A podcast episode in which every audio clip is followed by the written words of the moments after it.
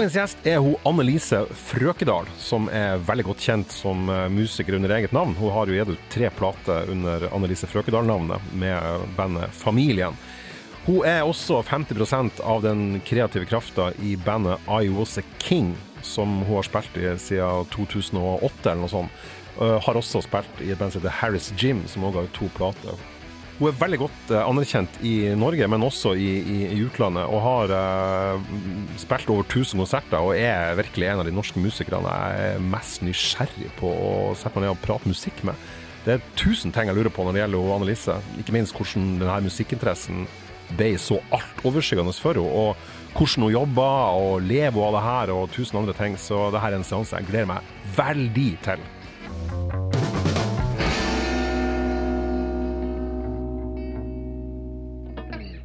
Velkommen hit, eh, Anne Lise Frøkdal. Utrolig eh, fint at du hadde tid til å komme hit. Tusen takk. En glede å være her. Ja, så bra. Hva er det du holder på med om dagen? Litt for mange ting, føles det ut som, egentlig. I helga spilte jeg eh, med Frøkdal og familien her i Oslo. Da spilte vi en del nye låter. Fra en ny plate? Fra ei plate som ikke fins, men fra ei mm. plate som forhåpentligvis kommer til å skje. Mm. Så vi testa en del nye ting. Så det, da blir det jo sinnssykt masse jobb, eh, og det var ikke ferdig. Det er litt sånn som jeg liker å gjøre det, at vi bare spiller ting selv om det er litt halvfordøyd. Ja. For da finner en ut veldig masse om, eh, om, låtene, rett og slett, når du møter publikum. Ja, klart. Hvordan, eh, hvordan venue har dere spilt på? Da spilte vi på postkontoret, faktisk. Ja, nettopp, ja. På Tøyen, så det er jo Vi bor der jo, alle sammen. Ja. Så det var jo relativt kortreist. Ja. og du har jo også ei helt eh, fersk plate ute med, med My King også. Det stemmer. Vi har òg nettopp vært og turnert, ja. så det var liksom ifra det til å gjøre nye låter med Frøkedal, og så jobber vi med et filmmusikkprosjekt eh, innimellom eh, slagene. Også, Men et filmmusikkprosjekt? Ja, altså jeg lager, skal lage noe film, eh, noe musikk til en dokumentarfilm for barn, faktisk. Ja, for du har jo også produsert eh, barneplate før, har du ikke det? Jo, det har jeg faktisk. Jeg tror egentlig ikke jeg er en Det er nok litt tilfeldig. Jeg tror ikke jeg er en ekspert på, på Lyd og barn. på verken lyd eller barn, men, eh, men eh, jeg tror Jeg skal ikke undervurdere barn heller. Jeg tror de liker mye av det samme som oss, jeg. Ja, jeg tror dessuten det er lurt å, å fôre dem med de bra tingene mm. tidlig.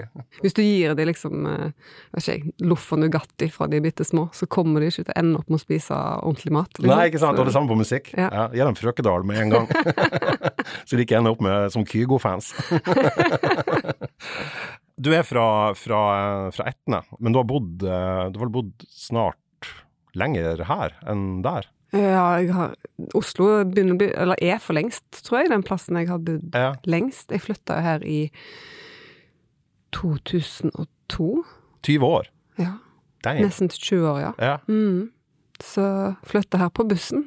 Det er fascinerende hvor lite ting, hvor lite stæsj en hadde den gangen. Var det sånn koffert med noe plate og noe Ja, det var to banankasser på Haukeli-ekspressen, faktisk.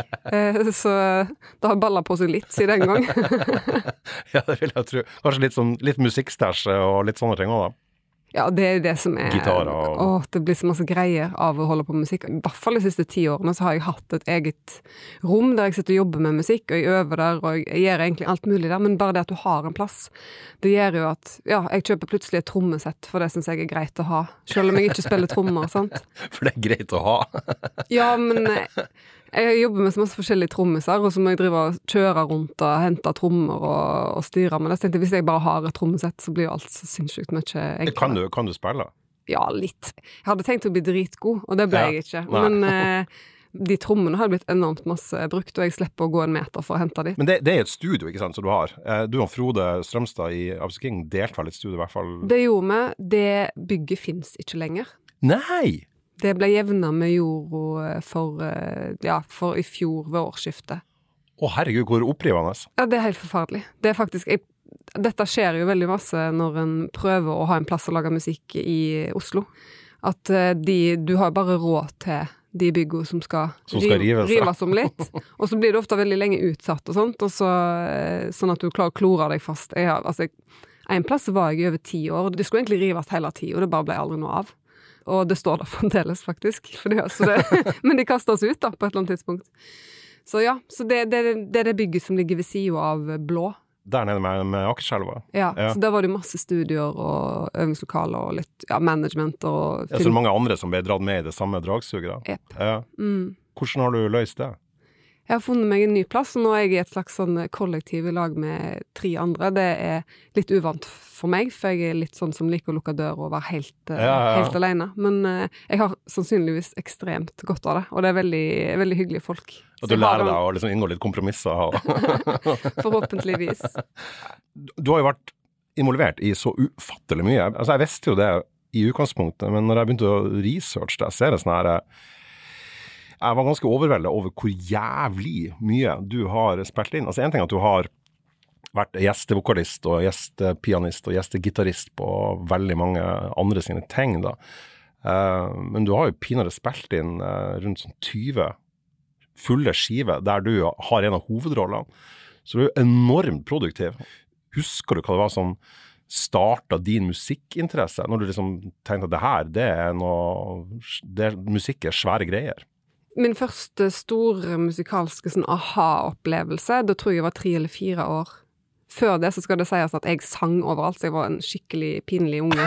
Sånn annoying liten Ja, litt sånn som ikke skjønte helt hva som passa seg, på en måte. Jeg har også blitt fortalt at jeg kunne liksom reise meg opp i konfirmasjoner og sånn synge sånn ti vers. Av en sang. Helt sånn, u, helt sånn uoppfordra. Uh, og det er ikke den personen jeg er i dag. Så det var før liksom Skammen og sånt hadde Ingen som inviterer deg i bryllup, eller? Men den, liksom, hvis jeg skal gå på sånn konkret musikk som jeg husker, så husker jeg faktisk at Og da var jeg sånn tre-fire år, og at The Final Countdown hadde blitt en hit. Med Europe, ja. Yes. Pappa spiller gitar, eh, Ja. så han eh, spilte den i, stua og sånt. Og Altså el- elgitar. Kassegitar. Ja, okay, han, er, ja. han er litt sånn Jan Eggum-skolen, egentlig. ja, okay. Og at vi satt og, og sang den. Og at jeg på en måte kunne hele Jeg ant, kunne jo virkelig ikke engelsk, men at jeg kunne, kunne hele teksten med en slags sånn eh, altså lydetterlikning da, av det engelske. ja, at du kunne det liksom fonemisk uten å skjønne hva det handla om. Ja. Så det husker jeg veldig godt. Eh, Det gikk òg en, en fransk eh, tegne-animasjonsserie på TV som heter Le Monde Angloti eh, På den tida der, som jeg òg husker musikken fra veldig godt ennå, den dag i dag. Det var jo fransk og tekster, så jeg forsto heller Så jeg føler kanskje i starten så skjønte jeg veldig lite av det som ble sagt i sangene jeg likte. Men du likte å synge, åpenbart. da. Eh, siden du var den lille uforskamma jenta som du forteller, at du var altså med det med å røyse opp og bare synge, at du likte å fremføre musikk. da. Tydeligvis. Mm. Det er en del av min personlighet som jeg på en måte ikke kjenner Jeg, pleier aldri å holde taler eller liksom reise meg og gjøre sånne ting. Uoppfordra, på en måte, da. Så det, det, var, en, det var tydeligvis eh, ja, en helt annen tid. Men jeg har jo sett deg live ganske mange ganger i, i forskjellige konstellasjoner, og du ser jo veldig sånn eh, du ser jo veldig komfortabel ut på scenen da, når du er i ditt rette element. Så du, du virker jo verken sjenert eller blyg på noe vis i, i den settinga. Jeg tror det handler om mengdetrening. Jeg spiller jo veldig masse, Mm. og har heldigvis lært meg at det viktigste som kan Det viktigste på scenen Sjøl nå i helga når vi skulle spille nye ting, og vi visste at det kom til å skje ting som ikke var planlagt, og som vi ikke ønska skulle skje, fordi vi hadde ikke nok mengdetrening på de greiene vi skulle gjøre, eh, og ting var ikke helt ferdig arrangert og sånn. Så til og med da så, så snakka jeg om før vi skulle gå opp på scenen, at sånn Det viktigste nå er at alle bare er i øyeblikket og har det skikkelig bra. Har det gøy, ja. Ja, ja, men ja. du ser veldig fort hvis folk ikke har det gøy på scenen. ja. Eh, og det er jo hele poenget, at du skal være der du er. Men det er nok mengdetrening. Jeg tror det, hvis du hadde sett en av de konsertene som jeg gjorde ja, rett etter jeg hadde flytta til Oslo, for eksempel, sånn, så, så tror ikke jeg hadde sett ut som jeg hadde det sånn kjempekoselig. Da, blir en, da ble en litt mer en sånn inneslutta, litt sånn kald, mystisk karakter. Det var, men det handla nok mest om at en ikke følte en hadde helt kontroll. altså Som konsertgjenger så, så senser man ofte det der òg. Hvis, hvis du merker at det er en sånn her um, En ting er hvis det kan være sånn, her, sånn gnisninger mellom bandmedlemmer, så kan det utløse en eller annen sånn, litt sånn kul, skummel energi. Men hvis de syns det er ubehagelig å være der, så blir det ubehagelig å se på også. Ja. Det kan av og til være fint med helt unge artister, eksempel, eller folk som er litt sånn, ikke trenger ikke være unge, men bare at de er litt ferske. Eh, som at det blir et eller annet veldig sånn nakent og, og skjørt, da. Mm. Hvis folk er, ja, er litt sånn uten filter og ikke så veldig husvarme på scenen. Så det finnes absolutt fine ting, eh, fine ting med, med det òg, men hvis du ser at folk bare står og stresser og skrur og, og, og, ja, og ikke er fornøyd, kanskje, eller ja, ja Jeg syns i hvert fall ikke det er noe gøy som publikummer. Nei, jeg er enig, enig der. Jeg intervjua deg for, eh, for noen år siden i ei sånn spalte jeg hadde i avisa, og da, da skjønte jeg også at du hadde eh, Jeg skal ikke si mørk fortid, det er det overhodet ikke, men du hadde en fortid med, med en, en yngre onkel av deg som fora deg med sånn 80-talls-metal. Altså Wasp og Mutley Crew og er, er, husker, jeg rett? Var, er, var, ja, ja, ja, det er helt det, Folk syns det er veldig merkelig. Men jeg er liksom flaska opp på altså, Mellom Europe Final Countdown og Le Mons Angloti så var det kanskje litt Torbjørn Egner, og så kom Puddelåken, på en måte. Ja. Og han eh, Det er min, min mors yngste bror. Han er bare fem-seks år eldre enn meg. Ja, nettopp, ja. Eh, og um, det rommet hans var jo helt sånn tapetsert av all slags bandplakater og Ja, det er bare masse, masse Fra de magasinene? Fra liksom Bra, ja, fra Bravo de der okay, Kerrang og, ja, Kerrang og, OK, ja, sikkert sånne ting. Og, og ja, masse, masse CD-er og vinyler og, og, sånne ting. Så det var jo på en måte Det var liksom flere ting. Jeg tror det var det der med de der, som de der fysiske platene eh, som hele tiden ble liksom lagt på spilleren og alle de tingene der. Og, men òg det der estetiske rundt eh, disse rockebandene. Eh, så jeg, jeg, jeg satt at jeg ble kasta ut. Jeg, Så lenge jeg, du fikk, liksom. For han bodde jo fremdeles hjemme hos, hos uh, mine besteforeldre, så Ja. når jeg krabba opp på, på uh, andre etasje til der han satt, så, så ble jeg der inne til jeg ble kasta ut. Som en slags sånn hellig gral, at du kom inn i, i ja, det var litt sånn, ja. og, og det var masse band Altså, jeg kjente ikke nødvendigvis godt til dem, men, men jeg brukte veldig masse energi på liksom å se på plakatene og prøve å finne ut sånn hva de forskjellige gjorde på i band. Husker jeg, for Etter en stund så følte jeg at jeg kunne se hva funksjon de hadde òg, altså hva om de var vokalister eller Ja, ja. Sånn Bassisten var alltid den du liksom ikke la merke til, kanskje. Og, og så en eller annen veldig ekstrovert uh, lead guitarist. For det var jo veldig Det var jo alltid en som spilte rytme, en som spilte lead. Mm. Jeg likte jo musikken. Og en del av den eh, 80-talls heavy metal-musikken er jo både allsangvennlig og Veldig, veldig poppa, egentlig. ja, underholdende musikk.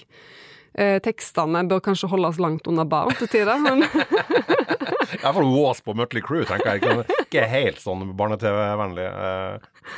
Jeg skjønte ikke så masse, men jeg, veldig, jeg er jo veldig interessert i tekst, og det var jeg egentlig allerede den gang. Eh, Mutley Crew var den første eh, kassetten jeg kjøpte sjøl. Hvilken plate? Shout out the Devil. Mm. Eh, Det med sånn teatermaske på coveret. og da måtte jeg til Haugesund, jeg bodde i Etna, sant? en time fra Haugesund. Ja. Så da måtte jeg på en plass som heter Bokea, som er en slags kombinert bokhandel og platebutikk på kjøpesenteret i Haugesund, og kjøpe den kassetten, da. Og jeg gikk jo fremdeles i rosa på det tidspunktet. Altså, jeg var på barneskolen, tidlig på barneskolen. Så er jeg husker at han, han var veldig sånn, han som sto bak disken, han han prøvde på en veldig fin måte å spørre meg om jeg var sikker på at det var det jeg ville ha. jeg var veldig interessert i tekst, og så hadde jeg en kassett med Warrant, som er jo et ennå Den Cherry Pie-plata. Eh, så husker jeg spurte mamma hva betyr For de hadde en låt som heter You're the only hell your mama ever raised. Og så spurte mora di hva det betydde. Ja. Fantastisk. Metaproblematikk. Det var ganske høy toleranse i vårt hus, men akkurat da så var det sånn derre Nå får du ikke flere sånne kassetter. Da var det nok. Men du er født i, eh, i 1981, Ja. og det her var da kanskje på rundt slutten av 80-tallet, tidlig 90-tallet? Slutten? Jeg gikk på barneskolen, i hvert fall. Jeg tipper at jeg var kanskje sånn åtte-ni. Ja, nettopp. Ja. Ja. Du sa også da, husker jeg, at du fortalte at han, han driver og tok opp eh, kassetter til deg, med Ja. litt sånn greatest hits av sine ting. Og så driver han også og lurte inn litt sånn andre ting også. Mm. Hva var det han dytta på deg som, som var litt sånn skoledannende for deg, da? Nei, for det, jeg likte jo Jeg skal ikke prøve å gjøre meg kulere enn jeg var, så jeg likte jo på en måte best de mest melodiske tingene, og en del av de powerballadene og sånne ting. Uh, og så sneik han inn en annen thrash metal-låt, noe liksom eh, Testament, eller et eller annet sånt, da, som jeg liksom fikk ispedd uh, i de litt, uh, kanskje, ja, litt snillere utvalget som de tingene jeg vil ha sjøl, da. Jeg synes du høres ganske kul ut da, når du kommer i rosa og går på barneskolen og skal ha Mötley Crew. Det, det er jo kult, da. Det var ingen andre som syntes det var spesielt kult. Eh, for å si det sånn, altså det var ikke en, en interesse som egentlig ble backa av, eh, av noen. Altså, ingen av mine venner, jeg prøvde jo hele tida å du, Når du liker musikk veldig godt, så prøver du alltid, og det vet du alt om, å prakke det på folk Ja, rundt det er mye misjonering i systemet. Ja. Så jeg husker når jeg fant, liksom, jeg fant en sånn låt med Mr. Big, eh, som heter To Be With You. Det var en Ja, sånn balladen de hadde. Ja, ja. ja. som jeg tok med, for vi hadde sånn der hitlister på skolen. Ja, det er jo kapellalåt, Ja, liksom, det var liksom den perioden der alle bandene liksom ble sånn der Gikk unplugged og spilte litt sånn Ja, for den var det i hvert fall sånn akustisk. Fall, Ja, det er kassegitarer og klapp, Ja. håndklapp og tror er eneste låten jeg kan med dem. Ja, det, det var kanskje deres største hit òg. Men da husker jeg at jeg følte at jeg fant en som bare Her har vi en bru mellom meg og mine venner på barneskolen. Dette kan alle forstå. Ja. Så jeg tok han med i sånn der vi spilte ting i Altså, vi hadde sånn hitlister liksom i klassen, da. Så jeg tok den med, og det var tommel ned fra alle. Ikke engang det! Men, så, men det som skjedde da, var at liksom Kanskje sånn noen måneder seinere, eller et halvt år seinere, så var den kommet på hitlisten i Norge. Å ja, du var bare for tidlig ute. Og så var det da altså noen andre som hadde den med tilbake. Som hadde litt sånn street cred fra før, da. i- Sannsynligvis mye Ja. mer street cred enn meg, i hvert fall. og da ble den låten stemt inn, og alle syntes den var helt fantastisk. Men du fikk ikke æra for å liksom På ingen være måte. først? Så jeg tror, jeg tror Det var en slags sånn skade som jeg fikk veldig tidlig. som du kan faen meg aldri stole på folk. De mekan mekanismene som gjør at folk liker det de liker, da, handler ikke nødvendigvis om musikken i seg sjøl. Nei, men hva de har omstendighetene og det Ja. andre og miljøet. Men hvordan var det? Altså, Etne er jo et relativt lite sted, er jo lov å si uten å være i oss. Hvor mange bor det der? 1500-1600 eller noe sånt? Ja, altså I hele kommunen så er det vel litt under 4000, og det er jo fordelt på enorme mengder land, skulle jeg si, og to tettsteder og flere små grender, da. Ja. Så ja, jeg gikk på en skole med, med Jeg er til og med vokst opp utenfor Etne, så jeg gikk på en skole med under 30 elever. Totalt på skolen, ja. Ja, på barnets første til ja. sjette. Mm. Kan du huske at du på et eller annet tidspunkt fikk en eller annen slags sånn sånn utbrytertrang, da? At du Jeg må bare vekk herifra. At det, var, at det føltes lite og trangt, sånn, også musikkmessig. At Det høres ikke ut som du hadde veldig mange på din alder som du bonda kjempegodt med når det kom til musikk. da. Ikke, ikke, ikke når det kom til musikk. Jeg begynte faktisk i et, et band på ungdomsskolen. Å ja. Vi spilte i Etnes eneste band, Ja, ja, ja. eh, rett og slett. Hva, var, var du frontfigur? Eh, Jeg kom inn Hold deg fast, dette er ting som en egentlig ikke burde snakke høyt om. Jeg ble henta inn fordi at de skulle spille Cranberries sin store hit, 'Zombie'. Zombie! Eh, Jeg vet ikke om det var min rolle som tante Sofie i et eller annet skuespill eh, på barneskolen som gjorde at folk tenkte at det fiksa jeg, men men i hvert fall så ble jeg henta inn for det. Jeg klarte jo knekken til Dolores O'Riordan. altså, det er jo virkelig en av de mest enerverende låtene Ja, i, i historien. sinnssyk. Det, altså, det er noe av det verste. Det høres ut som noen har satt et munnspill i det der hølet oppå en hval og piska den med piggtråd. Jeg tenker at ting går i sykluser, at på et eller annet tidspunkt så kommer dette til å høres fint ut igjen, men jeg er litt usikker. Ja, veldig. altså. men, men du, du, um Uh, du sa i et intervju jeg leste, at, du- at du var på, på et eller annet tidspunkt så ble du veldig opphengt i um, musikkavisa Beat.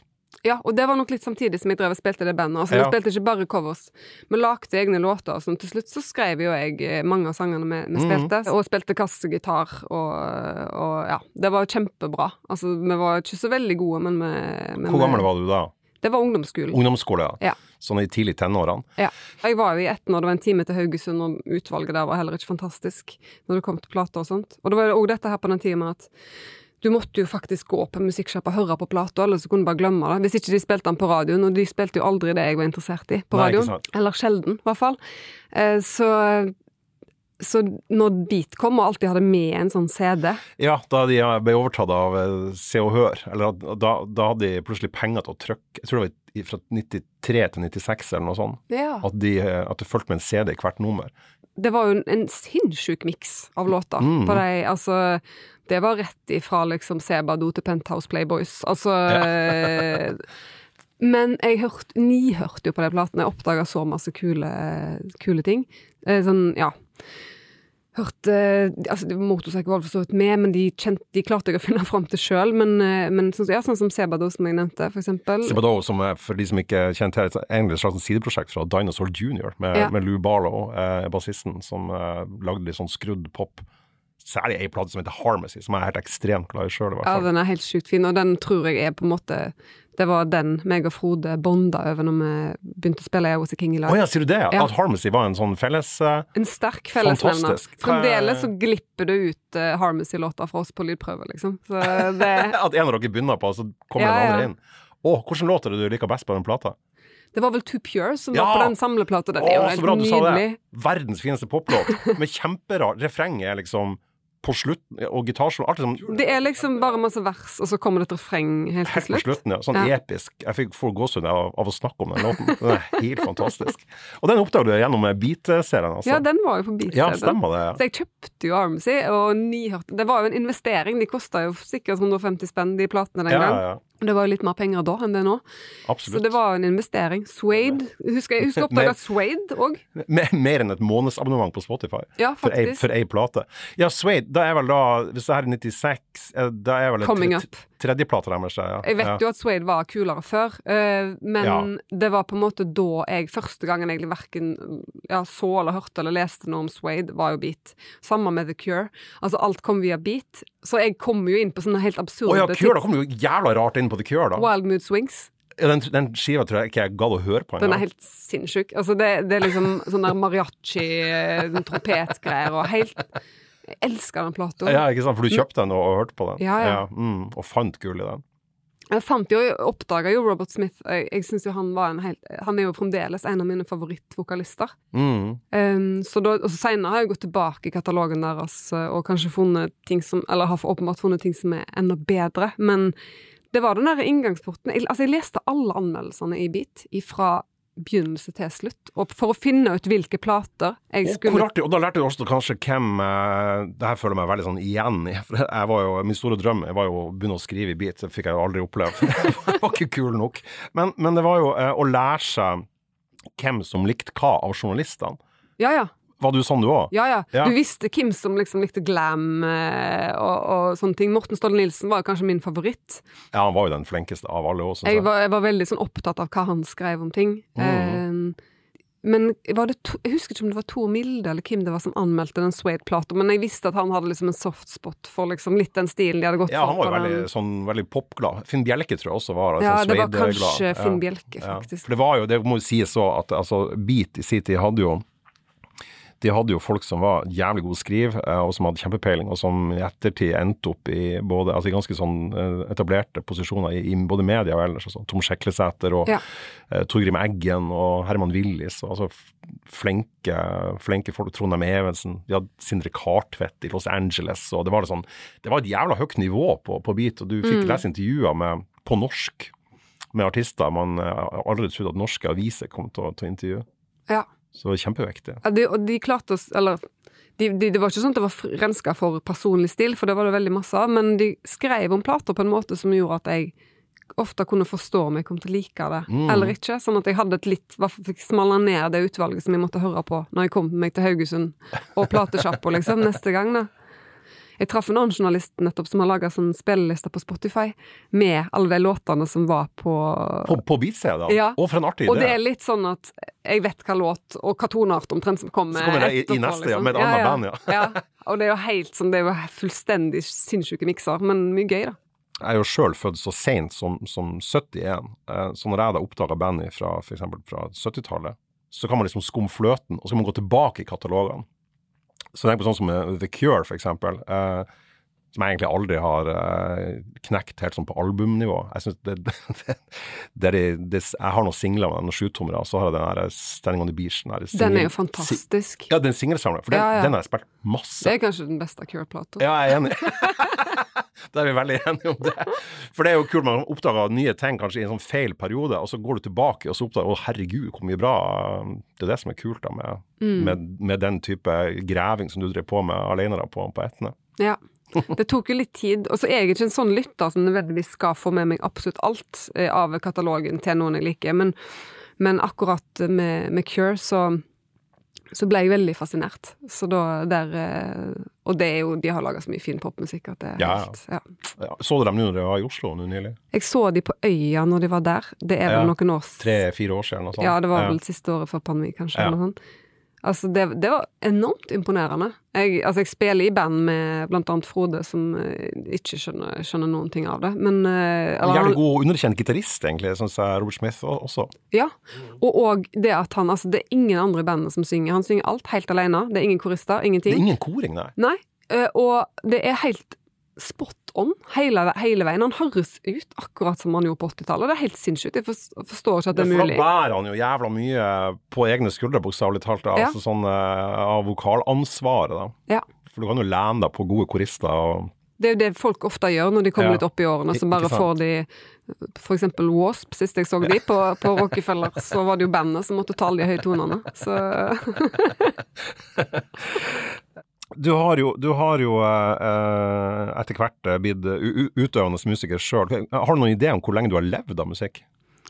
jeg slutta i på en måte, Jeg hadde en deltidsjobb i veldig mange år som jeg gjorde ved sida av. Jeg slutta vel der i 2012. Med, med hva?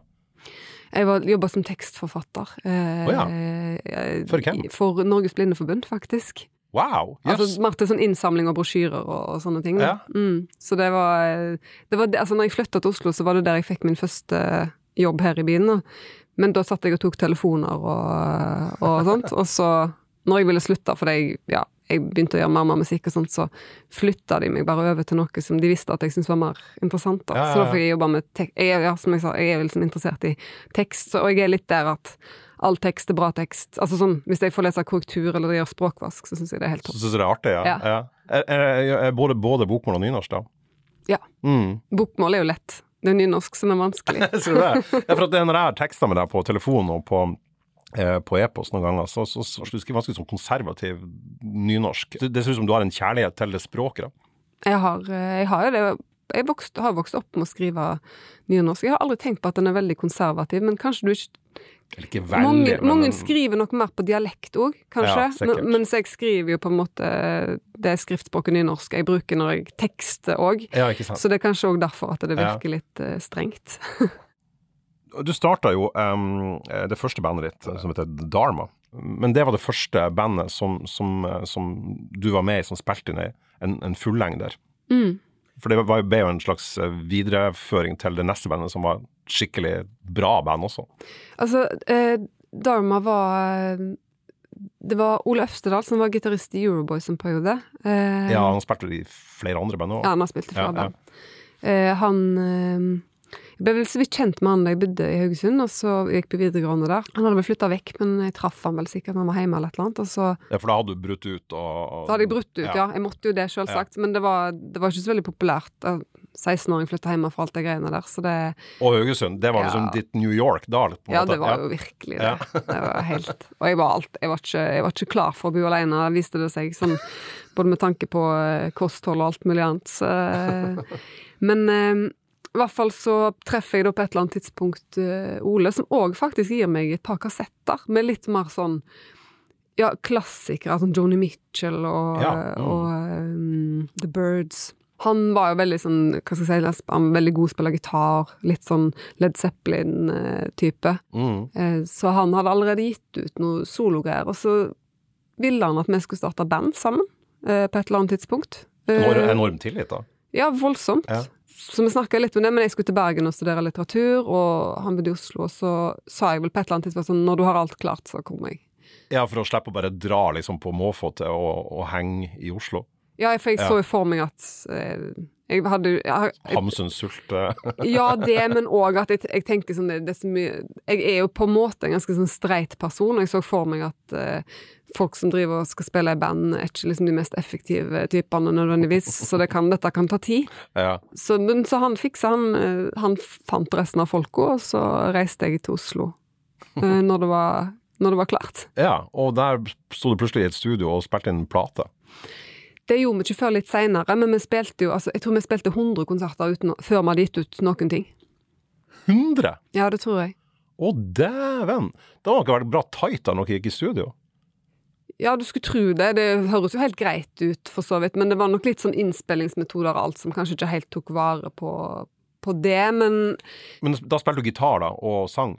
Ja. ja. Så jeg, synes, jeg må innrømme at jeg ikke syns den plata er spesielt god, men jeg er glad for at eh, vi fikk lagd den, og at det var liksom Det var jo det første vi, vi gjorde. Jeg syns bare den Den er spilt inn av Kalle Gustavsson eh, i eh, Soundtrack of Our Lives. Å ja, Kalle! Som er, Ja. er det han som har eh, produsert det? Ja, det var vel han og kanskje litt Ole. Jeg er litt us... Jeg husker nesten ikke Wow. helt. Det er jo helt fantastisk. Jeg har hørt på den i forgårs. Den, den har jo sine øyeblikk, syns jeg. Eh, Og du har hørt på den? ja, ja, ja, absolutt. Den er så vanskelig å finne på Spotify, det syns jeg egentlig er helt greit. Ja, nei, jeg, jeg er god på, på greving. Men det her var jo egentlig forløperen til et, eh, et annet band som jeg i alle år har kalt for Harris, Harris Gym. Det er helt greit. Er det, er det greit? Ja, vi sier begge deler, så det Men du sier ikke det? Jeg sier Harris eller sier- Harris Gym. Ja, Ja. Harris Gym. Ja. For da blir jo plutselig sp sp språket rett også, for det mangler jo en apostrof her, Ja. tenker jeg, som språknerd. Det er godt å høre at du tenker på disse tingene. Ja, ja, ja, du er enig i det? Ja, ja. Eh, Men, men, men eh, Harris Jim, da, som, som, som jeg da velger å kalle for, ga ut, um, ga ut to skiver. Og de platene, og det bandet, eh, tok dere jo eh, inn sånn i skikkelig sånn seriøst opp i platebransjen. Kontrakt med Universal, eh, lansering. Dere var sånn tungt bylarmnavn, husker jeg, og dere fikk masse anmeldelser, og også i utlandet. Mm. Og jeg så jo også at de, de to skivene som den selvtitulerte debuten da, i 2008, og så den andre skiva som kom i 2010, har òg høye strømmetall. Og til å komme ut på den tida Ja. Det som kom ut da, ble jo ikke spilt på Spotify Nei. eh, eller de andre strømmetjenestene. Så jeg ser at de, de har jo da åpenbart en, en, eh, en standing hos folk den dag i dag, da. Så kan du fortelle litt om hvordan du endte opp med å kontrakt med Universal, f.eks. på den tida. Det var jo svære greier. Ja, det var vel etter vi etter vi ga ut første plata, faktisk, så, så meldte Men jeg tror Universal var inne i en sånn fase der, hva skal jeg si Den derre indie-rocken var liksom begynt å bli litt kommersielt interessant. Ja. Um, Skulle ikke bare være sånn skrangle... nei, det var liksom kanskje litt sånn Arcade Fire og Ja, en del mm. sånne Det var, lå litt i lufta, da, så, så det var vel eh, Det var vel kanskje derfor at de At de begynte liksom å Jeg husker òg at Heroes and Zeros, for eksempel, som holdt på omtrent samtidig som oss òg, tror jeg var på De var kanskje på Sonett. Spiller ikke dere inn noe i lag? Jo, vi gjorde en konsert i dag på Slottsfjellfestivalen, da vi fusjonerte begge band, og spil, alle spilte begge sine sanger. Ja, nettopp. Ja, det, jeg synes jeg hadde en sånn idé om at det var noe greier der. Men her, den første plata til Harry Skum var det jo altså eh, Trommisen vår, som er Bjarne Stensli, som er jo en, en eh, velrenommert eh, produsent eh, Mm. i dag, eh, det var jo han som han syntes den plata som hadde For det, Harry Skum og Dharma er jo basically nesten de samme folkene. Ja, det er bare minus han Øvstedal som Ja. har gått ut av bandet. da. Ja. Og, og um, Bjarne syntes at den uh, plata som kaller det Spetlin låt så dårlig at han bestemte seg for å lære seg å gjøre det sjøl. Og han er veldig sånn hvis han bestemmer seg for noe, så gjør han det sånn 110% Så Ja. uh, ja, han har bare gønna på. Og den, jeg syns den låter ganske kult ennå. Jeg syns, jeg syns, de, jeg syns de skivene er, er, er, bra. De minner meg veldig om en del av de amerikanske indie-tingene som jeg har hørt mye på på 2000-tallet. Mm. Og jeg syns de har tålt tidens tann òg. Det, altså, det er jo det er en litt sånn elektro-popproduksjon på det, men jeg føler at det er et rockband i bunnen da, på Ja. Harris Gym. Er det en, en oppfatning du deler? Ja, det vil jeg si. Mm. Jeg, jeg syns jo at Jeg syns jo ikke plate nummer to Den eh, er fremdeles Og det burde jo Jeg burde jo klare å høre på den nå, for det er ganske lenge siden, men jeg syns ikke den er så god. Eh, det tenker, men det er kanskje mer sånn produksjonsvalg og sånn som er tatt. Mens eh, første Plato føler jeg at vi høres på en måte litt ut som de vi, de vi var. Og vi var jo et organisk band med sinnssykt mye stæsj. Altså, jeg spilte med, jeg spilte med to gitarforsterkere. Én var ikke nok. Jeg hadde to. Eh, så jeg kunne kjøre en slags sjettegir når musikken Ja, ja, ja. krevde det og sånt. Du har to forskjellige mikker opp på scenen, så jeg på jeg, Ja, sånn ja. et liveopptak med det. Det var, det var litt sånn maksimalisme på gang der. Og begge, altså eh, Bassisten vår spilte jo veldig mye eh, synt. Eh, For han hadde en sånn eh, korg eh, stående som han brukte både som bassynt og til andre ting. Så, og vi hadde faktisk bitte lite grann av tracks, men det var veldig sånn enkle, som kanskje den ekstra loopa high-haten som vi ikke fikk til å spille sjøl. Altså sånn, så det var Ja. veldig enkle ting, men vi hadde tracks og, og sånne ting. Så, det var, så vi var ganske, i hvert fall her, så var vi relativt tidlig med den type ting, faktisk. Ja, men det, det som slår meg, når jeg, når jeg, eh, for jeg leser en del sånne her, uh, intervjuer med dere, primært med deg, da, uh, også i, i engelsk uh, presse, og det var en helt sånn fascinerende eh, sånn ståltro på seg sjøl. Det var faen meg, det var, det var ambisjoner i bunnen. altså Det var ikke noe sånn her eh, det var ikke noe sånn beskjedenhet. Jeg synes, her skulle det, dere skulle faen meg ta over verden omtrent. Altså, det var sånn, det var en attitude som jeg ble veldig sånn Det, det husker jeg ikke fra den tida, men det var så, det var så tøft. Husker nesten ikke sjøl, må jeg innrømme. Ja, du fikk noen sånne spørsmål om sånne her, eh, om eh, sånn her eh, norsk norsk og mørke, og det var bare så jævla arrogant. Nei, du, du hørte på masse britisk og amerikansk og det tullet der. Det var, synes det bare var piss, liksom. Ja, jeg tror vi ble ofte putta i en sånn der eh, Norsk greie, ja. Ja, norsk, og at en hadde liksom et eller annet sånn der eh, At sound er bare noe sånn preg av hvor en Ja. var fra. Det er jo veldig Ja, alle er jo veldig interessert i England, spesielt kanskje putta derre At du hører at en bor på et mørkt sted med mye snø og is eh, når de hører på musikken din og sånn. Det tror ikke jeg vi skjønte så Eller jeg tror ikke vi identifiserte. Og jeg tror ikke vi følte at vi var en del av en norsk Noe som skjedde i Norge, egentlig. I det hele tatt. Det var ikke der vi hadde referansene våre fra, i hvert fall. Jeg vet jo Madrugada slet jo voldsomt med det der, der Ja. fra utenlandspresse, for de var jo i tillegg fra nord for Polarsirkelen, så det var det enda mer enda mer sånn feilfokus på, på, på de tingene.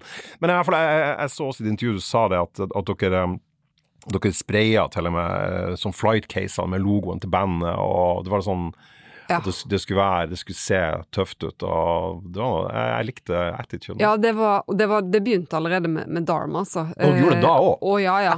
Det var, da var det liksom eh, denne gjengen som eh, De var jo veldig sånn opptatt Interessert i bransjen, kanskje, på en eller annen måte, som, som jeg nok aldri har vært. Men da var det veldig sånn Vi skulle være et veldig sånn Vi skulle være proffband, og vi hadde, ja, vi hadde sånne sjablonger som vi spraylakkerte fløyter og og vi skulle ikke på Bylarm og på sånne ting. Det var bare, det var bare tull. liksom, Vi skulle ikke drive med sånne konkurranseting. Og vi skulle bare organisk liksom komme oss opp og fram her i verden. jeg kjenner jeg liker det veldig godt, og ikke skulle på Bylarm. Det er noe kult med det. Du spiller veldig sjelden dine kjekkeste konserter på Bylarm, for å si det sånn. Men, eh, men når vi starta Harry Skum, så ble vi Så hadde vi jo da, Men da hadde vi spilt så mye allerede. Så bare det at vi gjorde disse 100 konsertene som Ja, et helt ukjent, bunn, ja. eh, ukjent ja. band. Så, men jeg er veldig glad for den. Det var kanskje ikke den mest effektive måten å, Og å bli det på kjent på, men det var en veldig effektiv måte å fungere som musiker i et band på, altså lære seg det. Ja, ja, klart. The Mm. hard way. Jeg er jo alltid nysgjerrig på eh, hva folk ville hatt med seg på ei øde øy av musikk, for det sier som regel et eller annet eh, om de musikalske referansene, i hvert fall. Og så spurte deg nå i forkant av denne praten, og jeg gjorde også det eh, da jeg intervjuet deg i avisa. Eh, og da hadde du hvilken plate du ville ha med, du har flere da. Men den ene du, du trakk frem begge gangene, er ei skive med, med legenden, eh, må vi si, John Cale. Kan du fortelle om den plata du har valgt ut med han, som du vil ha på ei øde øy? Jeg forstår at dette er type favorittplate hos deg. Ja, det er det, er det altså. Den platen heter Paris 1919, eh, og er ei soloplate til John Cale, som òg spilte bratsj eh, i Velvet Underground. Ja, på den første, veldig den Nico-plata. Der Ja. var en vesentlig del av, av både soundet og besetninga. Og han har gjort mye forskjellig eh, Han gjorde jo Church of Anthrax, tror jeg, før denne plata her, og den er mye mer sånn Der han samarbeider med en, en minimalistisk komponist, og ja Han kommer jo liksom ifra en sånn klassisk verden, egentlig, men, men på Paris 1919 så er det jo eh, Er det jo rett og slett eh, folk, nesten, det han holder på med. Ja, han er jo britisk òg, det er eh, verdt å understreke. Ja, han er walisisk, ja, faktisk. Han er fra Wales, så han, Ja. han, han men, men jeg var en del av Velvet Underground, som er fra New York, så veldig mange tror han er amerikaner. da. Ja, for han dro over der for å studere noe klassisk Mm. musikk. Han var jo sånn derre wonderchild, han. Begynte, altså, han begynte å komponere ting i tenårene og var helt drøy, sant. Ja. Så dro han over dit. Så det er jo utrolig gøy, men jeg tenker at det sier litt om, om folk som, som Du kan sikkert ha en kjempesmooth, bra karriere innenfor den klassiske verdenen, og så ender han opp med liksom å spille i Velvet Underground. Et av de mest innflytelsesrike bandene på 60-tallet, men folk eller, Ja. gikk, tror jeg, første gang de spilte. Altså, det Ja. var ikke noe som Jeg tror ikke folk sto klar for Velvet Underground, som Nei, ikke. utgangspunktet. Det er litt mer sånn som har vokst uh, over, Ja. over tid. Jeg tenker jo at altså, De ville nok vært et fantastisk band uansett, men jeg tror ikke jeg ville vært så interessert i de hadde det ikke vært for det han Tilførte. bidro med. Nei, sånn som på eksempel på, eh, på den Venus in Fur, som er min favorittlåt på, på debuten, så, ser er jo den bratsjen han bruker der ekstremt vesentlig. Mm. Og han har jobba med ja, mye innenfor sånn av- avantgarde musikk, og han er opptatt av droner og en del sånne ting som er kjempemye av i, i alle deres eh, sanger, ting som repeteres og Men på sin egen plate da, så lager han plutselig liksom denne her uh, mjuke, vakre Ja. Den skiva er så rar, for at jeg, jeg, jeg kjøpte, husker jeg, eh, på 90-tallet så kjøpte jeg sånn seks-sju plater med han på CD. Bare sånn her, Det var på salg et eller annet sted, så jeg kjøpte Det må ha vært før, Jeg åpna butikken i 94, så det må ha vært før det. sånn 293. Så jeg kjøpte bare en sånn bunke med John Cale-CD. Og så satt jeg meg ned og lytta, og det var ganske speisa greier, Ja. Og så kom jeg til denne Paris eh, 1919, da, som jeg digga umiddelbart, for den er ganske sånn konvensjonell. Den Mm. med en julesang og, og har en, den eh, den der eh, The Endless Plane of Fortune, den balladen som jeg syns er helt sånn den er helt sinnssyk. sinnssykt bra. Ja. Og den skiva har jeg liksom aldri sluppet tak i, men de andre platene her, de har ikke noe Jeg kan ikke si hva de låtene heter på noen av de andre. Det er den plata, da. 1973 kom den ut, og forsvant jo egentlig også litt sånn ut i intet eh, Mm. da. Og så ble den eh, Det ble sånn reoppdaga av masse folk igjen, og fikk en sånn en anerkjent status lenge, lenge, lenge etterpå. Husker du sjøl da du første gangen hørte den? Jeg tror at den var nevnt av Kanskje det var Audun Winger i en eller annen anmeldelse, kanskje en reutgivelse, et eller annet sånt. Ja, den kom Eh, jo ut på Jeg tror det var Rhino som ga den ut i 2006 i en sånn her- sånn her deluxe-utgave. Ja. ja. Da var det nok i den forbindelse, eh, og da husker jeg at jeg sjekka det ut. Eh, For altså, jeg kjente jo åpenbart til, til Velvet Underground, alle tingene der. Sjekka ut den. Så husker jeg at det festa seg egentlig ikke noe særlig, men jeg la veldig merke til den låten som heter Half Past France, som er nest siste låt. Ja. Da sier han på et eller annet tidspunkt 'Things are much different here than Norway'. ja, stemmer det, ja. Ja. ja. Det handler om en togreise. Det er noe om, altså, altså, annet om colder than altså, Det er noe om kulde han sier også, da. Det er ikke så kaldt som i nå. Et eller annet sånt. ja, Not So Cold, det er neste not, not so cold, ja. Ja, nettopp. Ja, ja. Det er et eller annet med den sangen, for den begynner jo bare med liksom sånn orgel, litt nudling på eh, Veldig vakker nudling eh, på gitar, eh, og så han som synger, og så brekker trommene seg inn på et eller annet tidspunkt. Og det der, det, det der brekken og trommene kom inn, det er, liksom, det er bare noe av det mest sånn hjerteskjærende vakre jeg kan, jeg kan tenke meg. Så artig du sier, for jeg, jeg var sånn, Da jeg hørte første gang, så var det sånn her Sa han no way, eller sa Norway? Så var det sånn Han sier Norway! Ja, han sier Så det var nok et eller annet som gjorde at den sangen Så den tror jeg jeg hadde med meg, liksom, og sånn, men jeg var ikke helt det, det er jo litt av og til med plater som, som bøker òg, at det handler litt om timing i forhold til hvor du er, og hva du er interessert i å høre på akkurat da og sånn. Absolutt. Så tror jeg det var når jeg drev og starta soloprosjektet, at jeg begynte å høre på den plata igjen. Jeg tror jeg nettopp hadde spilt inn Eller var ganske godt i gang med å spille den første Frøkedal og familien-plata. I 2016? 15-16? Det må ha vært 15, 14 eller 15, Ja, 15 sikkert, ja. Mm. At jeg bare finner tilbake til denne plata, så er det bare som om at det føles som at åh, dette er hjemme, liksom. Det føles Ja. som sånn musikk som Det er bare Ja, det er bare en plass jeg kan der jeg føler meg 100% Jeg forstår alt som skjer her. Alt gir mening.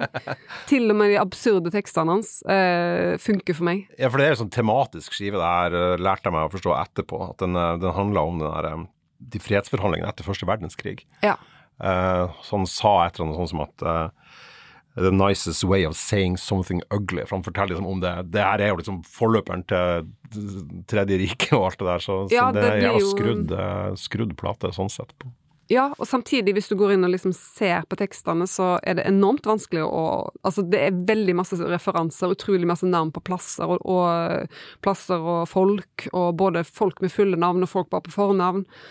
Og så hvis du går det i sømmene, så er det ikke så lett å egentlig få helt med. Men jeg tror det gir allikevel en eller annen følelse av at denne plata forteller noe veldig Ja, viktig. ja, ikke sant? Ja. Eh, Så jeg føler jeg har lært masse om det også som tekstforfatter av den plata, at jeg føler den er så eh, lada med betydning, uten at liksom nødvendigvis eh, vers for vers gir noe særlig, eh, gir noe særlig mening, da. Og du har møtt han, han Chris Thomas, han som produserte den plata. Ja.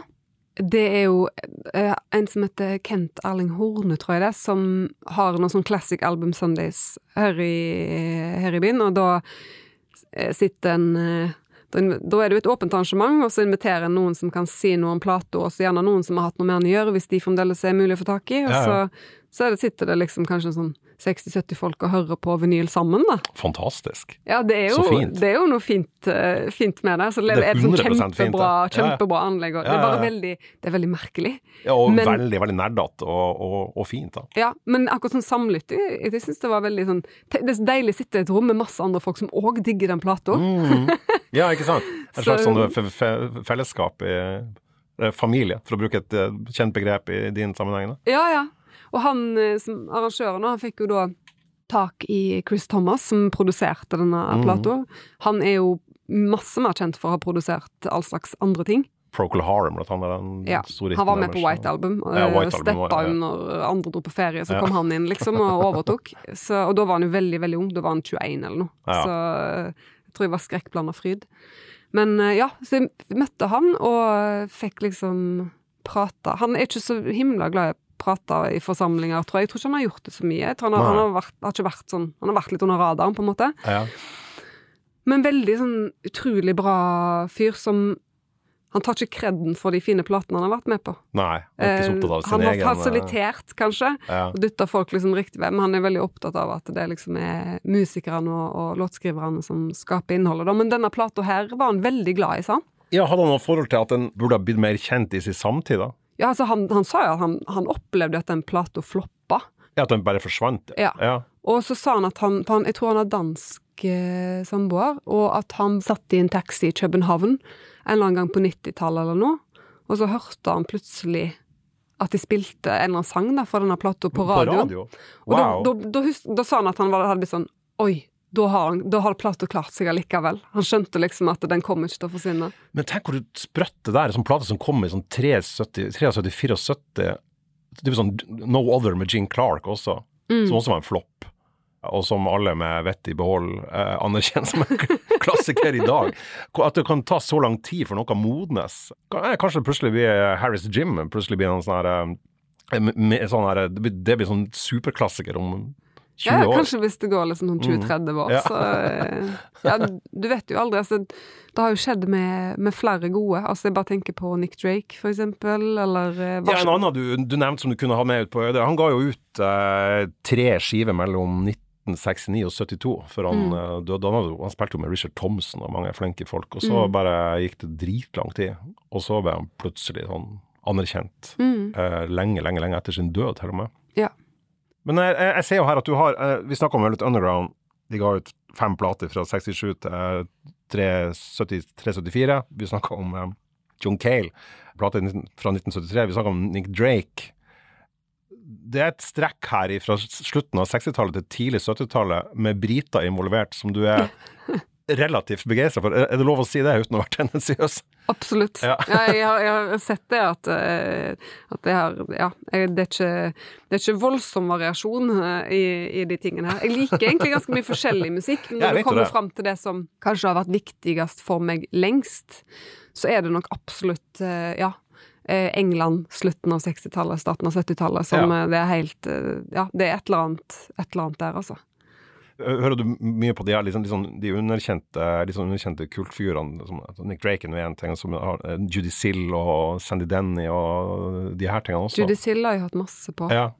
Hun er faktisk amerikansk. Ja, hun er amerikansk, Ja, selvfølgelig. så det er Jeg så rører med Sandy Denny. Ja. Men eh, hun hører på en måte Ja. til i den familien. ja, det er sånn jeg tenkte Ja. også, derfor jeg ble finta ut av meg sjøl. Ja.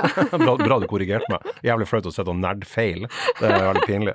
Det er jo også eh, eh, veldig lett å høre eh, når du synger sjøl. Du synger jo på en du synger jo på en veldig sånn britisk engelsk Mm. på platene dine. Jeg hører at du har litt språkopptatt òg. Er, er det en, en, idé du hadde tidlig, at du skulle synge på engelsk-engelsk? Jeg tror kanskje at det, er litt, at det har litt med sånn Beatles og sånn å gjøre. Ja. At jeg syns Beatles var veldig fint, og pappa spilte det litt hjemme og sånt. ja. Da skulle du egentlig ha sunget på Skaos, da. Sant. Ja. Men nei, jeg tror, jeg tror nok at jeg alltid har syntes at, eh, at eh, det britiske Og så reiste jeg. Altså, jeg var, på, jeg var på korpstur til England jeg gikk på barneskolen og sånn. på på korpstur? Å, du Ja, fortsatt ja. i korps? jeg var i korps i et par, to-tre år. Hva har du spilt for noe? Jeg spilte selvsagt det letteste instrumentet i og med at jeg måtte gå i tog hver 17. mai. Du tok ikke tuba? Hva, du, hva, hva du tok da? Kan du det fortsatt? Kan du spille? Jeg vet ikke, men jeg, jeg, jeg husker fingersetningene og alt sånt Ja. på Så det sitter, ligger inne i systemet et sted. Så som Frode sier, faen, vi skal ha en liten kornett her inne i den Was King-låten, så kan du på en måte ta grep og Det, det er et eller annet som heter ambis, som er sånn der leppe Du, du trenger sånn spesiell muskulatur i leppene, så det, det for Hæ? å Du blir veldig, veldig sliten av å, oh, ja. å gjøre flere takes, for eksempel. Da, med, Å ja, sier du det? Så hvis ikke du spiller i korps eller i et brassband eller Så blir du eller sliten i kjeften, liksom? sinnssykt sliten i kjeften. Og får veldig røde, hovne lepper. Så eh, jeg tror kanskje vi hadde bare fått inn noen andre. Altså. som, som kan det, ja. Du sa også at du kunne, bare for å, for å liksom frigjøre deg litt fra, 70-tallet eh, for lytterne, så du sa også at du kunne, kunne også vært i plate med, med Broadcast. Et uh, band jeg sjøl i hvert fall eh, den her, The Noise Made by People, en debutplate, hørte jeg ganske Mm. mye på. Kan du fortelle litt om det bandet? Hvorfor det også var sånn Ødøy-kandidat? jeg er ikke sånn nerd på én måte når jeg hører på musikk, for jeg er veldig opptatt av at musikken må få meg til å føle veldig sterkt. Eh, mer enn at jeg må vite absolutt alt om noen jeg syns har gjort noe bra. Mm. Eller vi hører alt de har gjort. Så Broadcast er litt sånn band som bare sånn traff meg med slegga eh, for Ja. kanskje sånn åtte, åtte år siden eller noe. Så det er kanskje en av de siste liksom, sånne heftige oppdagelsene eh, mine. Og da var det vel via Jeg tror jeg lurer på om det var eh, Hva heter den eh, med I Found the F og sånt på? Det er en av de senere Ja, platene jeg datt av deres. etter debuten, så det, det er den jeg har hørt på. Ja. Og så ble jeg liksom obs på dem igjen, for hun, eh, vokalisten, hun, eh, kvinnelige vokalisten, hun hadde, det var en helt sånn her freaky utgang av livet. på og på Ja, turné i Australia og fikk svineinfluensa. Ja, sånn. det var en helt sånn syk var eh, måte å dø på. Helt sånn eh, ut av det blå. Uh, og da begynte jeg liksom å gå tilbake igjen og s- hørte på den debuten igjen. Ja. Det, var, det er sånn elektro Den- den er elektronisk pop, men den er jævla fin, da. Ja, men det er så mye der. altså Ja. Mm. Du har liksom de der jazza trommene som eh, ligger og ruller liksom i bakgrunnen. Og... Ja, og så kom det ut på, på det Warp, som egentlig var en sånn her eh, elektronika-label. Oh, ja. Ja, så det var sånn uh, så jeg husker det, Men så var det sånn rock i det. Ja. som jeg jo syns det måtte være på den tida. men det er jo det, og det er noise rock i det, føler jeg. mm, Altså, mm. ja. Og det er et band som jeg ganske hyppig bruker. Jeg er har jo vært litt sånn av og på med å jobbe med trommer, og ikke i Frøkedal-familien, men fremdeles så er det liksom Det er ikke sjelden at jeg tvinger liksom eh, den som skal spille trommer, til å liksom høre på en eller annen broadcast-låt. Oh, ja, for, liksom for sånn, sånn her ville det skal høres ut? ja, eller bare tenkt noe groove la Ja, det her, Så eller bær deg med deg i musikken. Ja, de har vært en veldig viktig referanse, Mm. selv om det ikke høres ut som det vi holder på med. Nei, Det er overhodet ikke. Og det syns jeg jo hun synger helt utrolig Ja. Nydelig. Helt sånn litt sånn deadpan, altså bare veldig sånn rett fram. Og så er det et eller annet med det som bare blir veldig emosjonelt allikevel. Eh, Jeg snakka med, han, eh, med han Sivert Høyem om, eh, om det her med sånn vokalinspirasjon. Sånn. Han sa at han bruker å stjele masse triks fra kvinnelige vokalister, for at det, det er ingen som avslører han. Men har du noen sånne vokalister du har, du har som du bevisst stjeler fra, som du tenker at det her er så stilig at det vil jeg dra med inn i min vokal? Jeg begynte faktisk ikke å høre på kvinnelige vokalister før, altså sånn seriøst, før etter passerte 25, tror jeg. Så jeg er jo oppfostra med liksom kun mannlige vokale for, forbilder. Ja. Eh, og mange av de eh, synger jo på en måte som ikke er oppnåelig for meg, for jeg har ikke den rangen altså, Nei, ikke i, i stemma. Um, så hvis det skulle være noe så, Eneste jeg kan komme på sånn eh, direkte inspirasjon, er kanskje mer som Mark Bolan, faktisk. Oi, T-rex, ja. Ja, Ja. ja, ja. ja. Eh, ja men- det gir mening, det. Litt sånn av og til litt sånn Også snirk... tidlig 70-tall igjen. Ja. Ja. England. Der må holde oss. England tidlig. Nei, altså hvis, det er en mest konkrete jeg kan komme på, i form av at han av og til kan gjøre litt sånn snirklete, Odd-ting, som jeg tror har smitta litt. så jævlig kult. Så litt sånn sleazy også. Ja, ja. Her, ja. Og T-rex hadde jo på litt sånn senere plass, og hadde jo noen sånn sinnssyke sånne heksekor eh, Mm. på, eller gospelheks, altså litt sånn vanskelig, men mye sånne triks som jeg, eh, som jeg har plukka med meg. Åh, T-rex, det kunne jeg snakket om i to timer. Jeg, jeg gikk meg fullstendig vill i noe kaninhull på nettet på T-rex for noen, typ en måned siden. Ble sittende og se på T-rex. Jeg var på jobb, og så jeg satt etter jobb, og kona var på seinvakt. Jeg ble sittende og høre på T-rex på headset fra YouTube. Det er derfor ble jeg veldig glad at du, at du, nevnte dem. Jeg hadde òg en veldig heftig T-rex-fase for del år tilbake, så det Men eh, det er interessant det, det du sier om, om stemme og, og, range og sånn òg, for at uh, du begynte jo i Ice King etter de har gitt ut ei plate. Den, den første plata er jo han Frode og han Emil Nikolaisen, egentlig, nesten som en sånn duo. Uh, den, hva den heter den? 'Losing something good for something better'. Det den heter, ja. Der, der er jo ikke du med. Nei. Men veldig mange tror du er med der. Ja. Og det skyldes jo at han Frode, som er Strømstad, som da er den andre delen av Ice King, eh, som er veldig aller viktigste samarbeidspartner, har veldig lys stemme, da. Mm. Og dermed tror folk eh, Og det husker jeg òg, for jeg har digga Ice King siden andre skiva. Den her førsteplata oppdaget ikke jeg før etter jeg oppdaget Ja. den første og gikk tilbake. At av og til så bruker jeg noen sekunder på å høre hvem av dere som synger lead, for dere bytter jo på det. Mm. Nettopp for at han har så lys stemme. Og Det syns jeg er litt interessant, da. Hvordan dere, hva som bestemmer hvem som skal synge. Det blir ikke så vektig, da, på en måte. Nei. Nei. Det er veldig sånn gøy, for stemmene våre blender sånn at vi har veldig ofte når vi har spilt inn, så lager vi bare en, en Ja, litt sånn som at det er en, en bl blend av de to stemmene som gjør at det går egentlig ikke an å si hvem som synger lyd uh, lenger. Nei. Husker vi spilte i Tyskland en gang, og så lydteknikeren på huset, han kom springende bort til scenen, og så og til Frode da bare Where's that box that makes you sound like a woman? Det er han Frode. Ja. Håndterte han det proft? Ja, men jeg syns bare det var kjempegøy. Frode er jo Han liker jo Han liker jo sjøl altså Neil Young. Han liker, han liker liksom eh, høye mannsstemmer. Altså, han, han, Ja. jeg, tror, han, jeg tror han er fornøyd med at han har en lys stemme, for han hører på. Ja, han hører mye på blant annet på de tingene til Robert Schneider, altså Apples in Stereo og sånn, Mm. som er, låter veldig likende som han. Altså, det høres nesten ut som det er pitcha eh, gjennom en boks. Um, så det er, jo, det, er bare, det er jo bare kult, da. Men det, det er kjempegøy, for vi har ikke helt samme range, men vi er ganske tett på, ja. Ja, Så vi kan mm. liksom ja, bytte litt om på ting. Det, ja, det er veldig gøy. Jeg syns alltid det er litt morsomt å uh, vite og perke litt i fortida, den fæle fortida til folk, og, og lure på om det er ting de har rådigga som, som de i ettertid finner litt vanskelig å skjønne. Eh, og så spurte jeg om det, og så syns jeg du hadde et så fantastisk bra eksempel, som, som jeg var helt enormt enig i. Et uh, amerikansk band, eh, du kan jo, og, og skive, kan, du kan jo fortelle litt om, uh, om valget da. Ja, altså Red Hot Chili Peppers sin Blood Sugar Sex Magic var en vekkelse for meg i sin tid. Det 1991. var, ja, det var på en måte Det tok nok over for en del av den der puddelrocken som jeg hadde hørt på.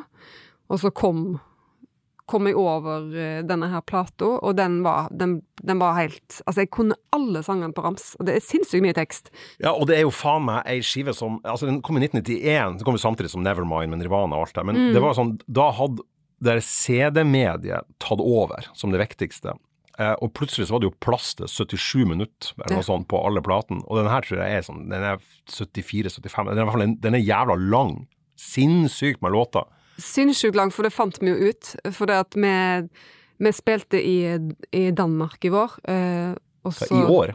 Ja, Ja. med Frøkedal-familien. Ja. Vi var ute med Teenage Fanclub eh, på turné. Ja. Eh, og så skulle vi kjøre fra Oslo til København, og så fant meg og Olaf Olsen, som spilte trommer med oss da, at eh, vi skulle høre på denne plata som hadde vært så viktig for oss begge når vi var, vi var yngre.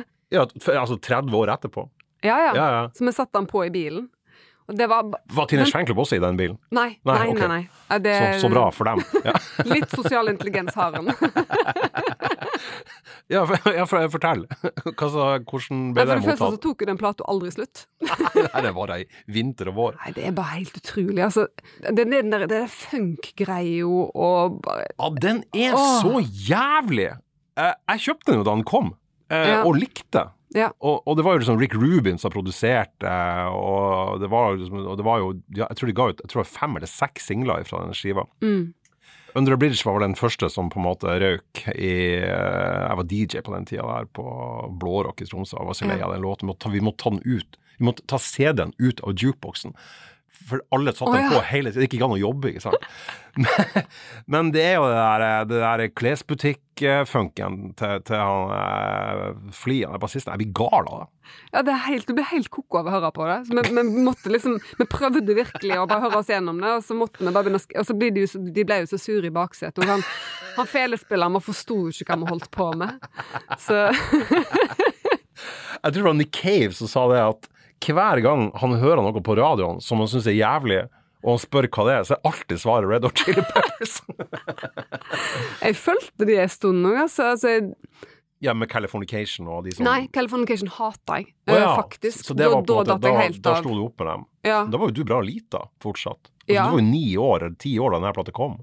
Og så tok han kanskje et år til ekstra før han kom til Etne, da, den plata. Og så, og så husker jeg dro I konfirmasjonsgave så fikk jeg faktisk billett til konsert i Oslo Spektrum når de var ute og turnerte med One Hot Minute-plata. Den som kom den som kom etterpå, etterpå. ja.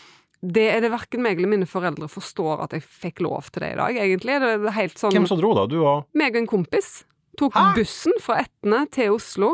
Da var jo du knapt Jeg var, tenåring. jeg var 15, eller noe sånt. Så, og ja, ikke Rause, rause foreldre, da. Ja, det var veldig Det er ingen av oss som helt forstår Jeg tror jeg må ha vært veldig, veldig opptatt eh, av det her, så jeg har sikkert mast helt sinnssykt masse. De spilte i 40 minutter. I 40 minutter! Yes. Å herregud, det motsatte av uh, plata, da, på en måte. Ja. Spiller ikke engang, engang halve Blood Sugar Sex. Kanskje de var lei av seg sjøl. Det skal man jo gi dem kred for, da. Ja, det var kanskje begynt å gå synke inn der òg, at det var litt slitsomt, det de holdt på med. Vi er slitsomme, vi, vi må begrense oss. 40 min, ja nei, det skal de ha. Det skal de, det skal de ha kred for. Men den Um, plata har vært helt utrolig viktig for mange, sånn som i hvert fall rundt eh, min alder. Ja, ja, ja. Det er helt nesten samme hvem vi snakker med, som i hvert fall har vokst opp med å høre på rock og sånt. Jeg har hatt et veldig lidenskapelig forhold til den plata. Men det er veldig morsomt òg hvordan ditto veldig mange ikke skjønner hvorfor de digga det. Jeg tror det var et eller annet med den der kapselen man var inne i den tida der. Mm. At det var, som du sier, litt sånn post-puddelrock og alt der, så kom det her, og Nirvana og Smashing Pumpkins. Et band jeg også sliter å på, med å høre på i dag. Men at der og da så var det liksom sånn Det opplevdes som forfriskende, på et vis. Ja. Uh, men så har det bare ikke tålt det når, det, når tida har gått. Bra konserter. Eh, du har nevnt, eh, nevnt en på 40 minutter, men eh, jeg spurte om det mest minneverdige du har sett live. Og da kom det kjapt da en, en konsert fra en jazzfestival i 2004. Men det er ikke så jazz, det bandet du eh, så. Nei, da spilte Blonde Redhead. Eh, jeg vet ikke om det var første gang de var i Norge, men det kan det fort ha vært. Ja, jeg så dem i 2000 på Roskilde, i hvert fall. Ja. Så da er det vel tenkelig at de også var hende de har spilt på type Sowot eller noe sånt, eh, Mm. uten at jeg vet det. Men det, det ville være rart om ikke de har spilt i Norge før 2004. Men i hvert fall et, et amerikansk band som Ja, jeg hører gjerne på dem i dag, fortsatt, de, altså. Mm. Og, og det her var da på en Ja, i 2004, så det er jo veldig, veldig lenge siden. På Kongsberg Jazzfestival. Hvordan Fortell. Det, hvorfor er det her det beste du, noe av det beste du har sett? Jeg tror når vi starta Dharma, men nå for så vidt når vi gikk videre til Harry Skumog, så var på en måte det ene Vi hadde utrolig forskjellig musikksmak, egentlig, vi som var med i bandet. Så Blonde Redder var på en måte det eneste bandet som alle syntes var dritkult. Og det kan man faktisk høre hvis man sitter med fasiten og vet at du digger Blonde Redder og de andre bandene, så kan man høre det på Sånn som på en låt som Brother med Harris Jim, Ja. så hører jeg mye Blonde Redhead. Jeg tror kanskje han Amadeo Pache som spiller gitar i Blonde Redhead, er en av de gitaristene jeg har plukka opp mest triks fra. Ja, faktisk. I forhold til det der med at han ikke er så opptatt alltid av liksom fulle akkorder og sånt, men gjerne Mm. holder med to toner, og så får du liksom barokke strukturer i, i ting. Ja. Så det er et eller annet han gjør som jeg, tror var, var veldig viktig for meg når jeg ble, i hvert fall for å få meg til å bli glad i og synes det var interessant å spille gitar. Da. ja. Mm. Men det var jo 2004. Jeg var jo, da var du vel i gang med Dharma, var det det? Ja. Ja. Vi, var, vi var der. Så vi fikk rett og slett grene oss til å gjøre support for de mot at de fikk Hei, dere grein dere til å være support for, for Blonde Redhead? Ja. For idolene deres? Yes. Eh, og, og mot at da Kongsberg Jazzfestival eh, da eh, foreslo at da skulle de få låne vår backline. Eh, og vi hadde jo mer eller mindre identisk Altså, festivalen skulle låne deres backline? ja, Blonde Redhead skulle låne den, da. Nettopp, Men det var, det- det, det- var dealen, på en måte. Ja. Vi fikk lov å spille, og de fikk låne vår backline. Altså trommesett og Trommesett mikrofoner og, og ikke minst eh, en klavinett, som er jo denne her litt sånn harpsikordaktige synten eh, som de de brukte, og som selvsagt òg vi brukte. Fordi de brukte For dere det. var copycats, ja. Ja, ja, så vi hadde liksom Vi hadde alt vi trengte. Og konserten var levert, da? Ja, konserten var helt fantastisk. Altså, det var helt sånn Det er jo et eller annet med et band du har fulgt så lenge, du har aldri sett det live. Du kjenner hver minste detalj på alle låtene.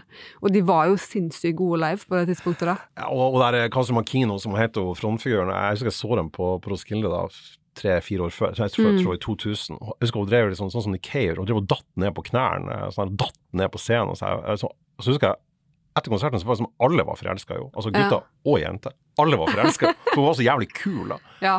Helt fantastisk kul på scenen. Ja, sinnssykt, eh, sinnssykt bra eh. Jeg tror ikke Det var liksom ikke så ofte jeg så damer i den sjangeren som holdt på altså, Så det var, det var nok enormt eh, viktig, selv om jeg ikke tenkte så mye på det da, Mm. med liksom henne som et slags som forbilde òg. At det at hun var så veldig Men òg at hun hadde veldig sin egen stil. Altså Hun Veldig. prøvde jo ikke å være liksom tøff eller maskulin eller noe sånt. Hun var jo Overhodet ikke.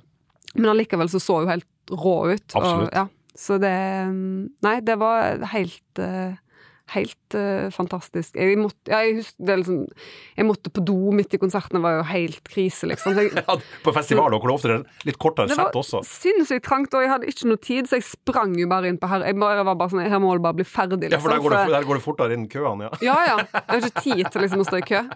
Så, På dametoalettene. så det, nei, det var Så det er en, en som sitter i, altså.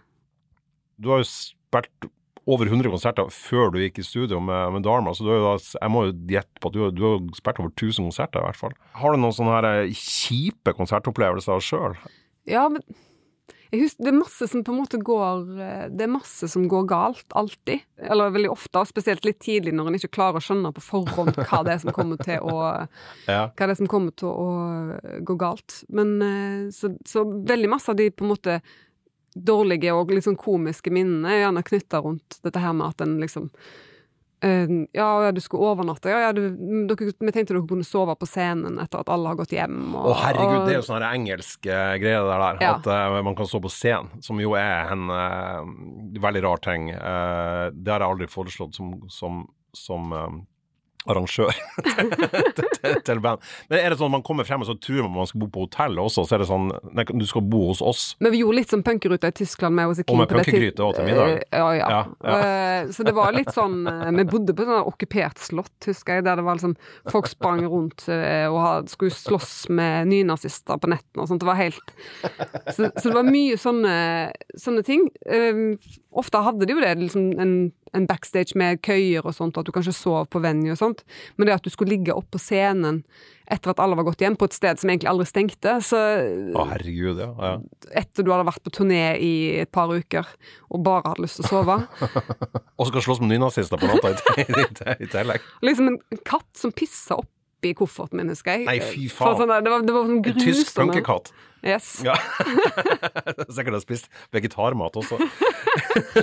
Altså, det er mye sånne på en måte ting, men altså sånn musikalsk sånn, Akkurat det når vi spiller, så er det jo en sånn da har vi på en måte hverandre, og det er selv om det altså på det verste har vært at du har spilt for bartenderen og en hund, liksom, eh, Ja, i lokalet. folk, ja. ja, ja. så, så er det på en måte alltid fint å spille i lag, nesten. Men, men eh, kanskje en av de største nedturene til, til Frøkedal-familien var når vi skulle spille på Voss en gang. Og så, um, så her er vi i Norge, faktisk, altså, bare så det er sagt. Eh, husker jeg vi hadde spilt i Bergen, og så kom vi fram, og så står arrangørene der, og så når vi parkerer bilen, så er de sånn Ja, da burde vi kanskje gå og hente anlegget, da.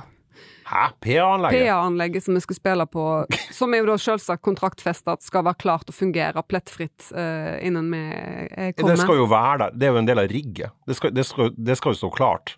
Det gjorde vi på ingen tenkelig måte. Så vi var på et samfunnshus eller på musikkrom på en skole eller noe sånt, og bare raska med oss noen greier som vi fant. Vi ble med, for vi skjønte at dette her kommer jo ikke til å gå bra hvis ikke vi trør til litt uh, sjøl.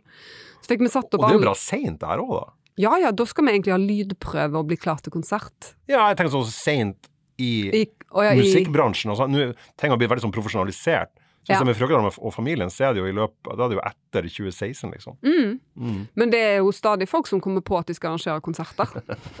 Så, så det er vel noen år der du må gjøre deg opp noen erfaringer, da. Men det, da endte vi opp med altså Vi rigga anlegget sjøl.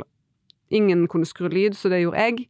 Eh, og vi endte opp med å spille på én høyttaler fordi den andre ikke virka. I mono. Det var en monokonsert. Veldig retro. Fremover, du sier du, du driver og eh, lager noe filmmusikk, eh, og så har du jo Du har jo også produsert litt eh, de siste årene. Du produserte en plate med Ingeborg Oktober, blant annet. Mm. Eh, og så skal du jo, um, vil jeg tro, turnere på I King-plata, som er helt ny. Og så har du allerede fortalt at du er i gang med en ny Frøkedal og familien-plate, så det skjer jo mye, da.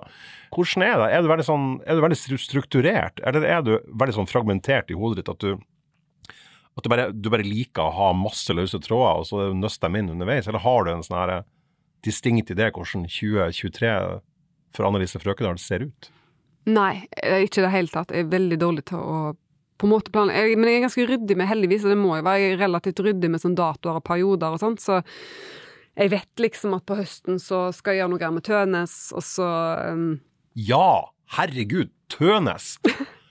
How could I? Vi, det, unnskyld at jeg ble litt brå nå, men, men vi må jo snakke om Tønes eh, før, vi, eh, før vi avslutter. Du Ja. har jo Tønes, artist som har blitt kjempesvær de siste årene i Norge, med, med, med god grunn nå. Beste konserten jeg har sett i 2023, var jo med Tønes på Blårock i Tromsø, sånn søndagskonsert. Og det var jo i duoformat. i 2023, faktisk. Ja, i 20, 2023! Jeg sa det, ja! ja! Vi snakker så mye om fremtiden. I år, skal jeg si. I år, i 2022, Ja. så, så um, spilte dere som duo. uh, og jeg har sett deg der tidligere uh, i, i fullt band med han, der du var en ganske sånn vesentlig del Nesten som en sånn kapellmesterrolle, fikk jeg inntrykk av. Han og du er jo, er jo, eh, har jobbet tettere og tettere. eh, Du spiller jo på, på alle platene, eller de, de siste tre, tre platene hans, er det vel.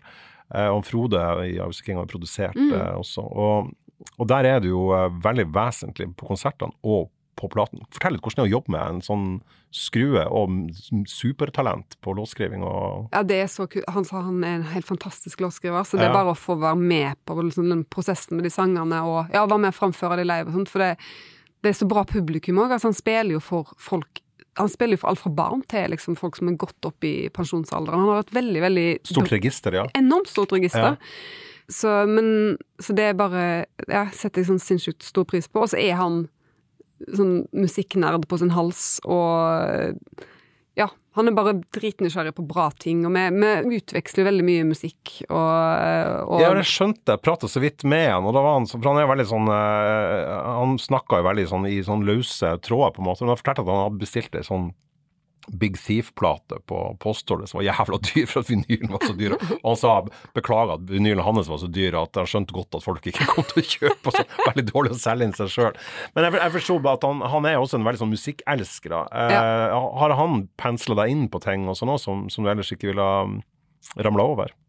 Ja, vi hører veldig masse på musikk. Det er jo gjerne eh, Når andre knuser hotellrom, så sitter vi gjerne og, og anbefaler de siste kule greiene vi har eh, hørt, og etter vi har spilt konserter og sånt. Så eh, Ja. sitter vi mye og hører på musikk, egentlig. Ja, og sender lister til hverandre og sånn. og... Så eh, ja, litt sånne ting. Så, Mm. så han har gitt meg masse gode tips opp igjennom Mountain Goats, er kanskje en av de store tingene som Mm. han har fått meg til Ja. å, å like. Ja. Veldig, altså tekstuniverset der. Han, eh, John Daniel er kanskje en av de beste tekstforfatterne i liksom eh, popverdenen i dag, syns jeg, da. Så det har jeg hatt masse glede av. Og jeg tror kanskje det var jeg som fikk Frank til å høre på Big Thief, faktisk, i sin tid. Så altså det var du som pusha Big Thief på han? jeg husker jeg spilte Eh, sånn der video når de spilte på en sånn TV-program. De spilte den Not-sangen. Ja, ja herregud. Eh, Fantastisk band. Ja. En av de beste platene i år. Eh, også et veldig langt album, som funka. ja, det 100, altså, det varer i 120 minutter nesten. Og, eller 1 time og 20 minutter. Eh, og er jo et veldig, veldig sånn digert band. Men liksom, det, hun kvinnelige frontfiguren har jo Adrian Lenker, det er hun heter. Ja. Ja, hun har jo et sinnssykt register på det er liksom country og rock og indie og alt mulig i en svær, er diger sinnssykt bra Ja. vokalist. Skriver òg kjempefine tekster. ja. Og en enorm sånn scenepersonlighet. Du så live nylig, gjorde du ikke det? Ja, meg og Frank og Frode og Ja. eh, alle våre venner Ja. eh, gikk for å Altså, Frank er Tønes, da. Ja. Eh, var på Rockefeller. Men eh, nå skal det sies at eh, Frank så flere av konsertene, for når han først digger noe, så er det liksom Da er det ikke litt. Så da han Da så, all in, ja. han så det i Stavanger og sånt òg. Så, okay. Nei, så vi var så på Rockefeller, og det er en av de beste konsertene jeg har sett i år. Så- Ja, for du så jo ikke deg sjøl og Tønes, som jeg gjorde.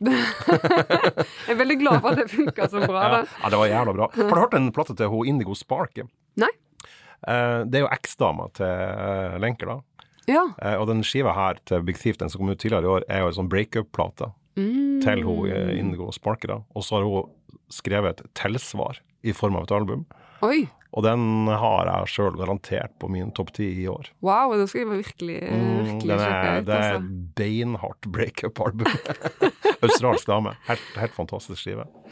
Det er nesten en synd og skam å, å skal avslutte. Jeg føler at vi kunne ha babla i fem timer til. Det var helt fantastisk hyggelig å ha deg her, Annelise. Eh, håper vi ser deg live i Nord-Norge snart.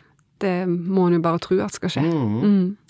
Lykke til videre, hva det enn er du skal produsere eller eh, arrangere eller spille. Eh, jeg tipper vi får en, sikkert en tre-fire plater med deg til neste år også. Jeg håper ikke det, for det høres veldig travelt ut. Takk for at du kom, i hvert fall. Tusen og takk. eh, veldig, veldig stas.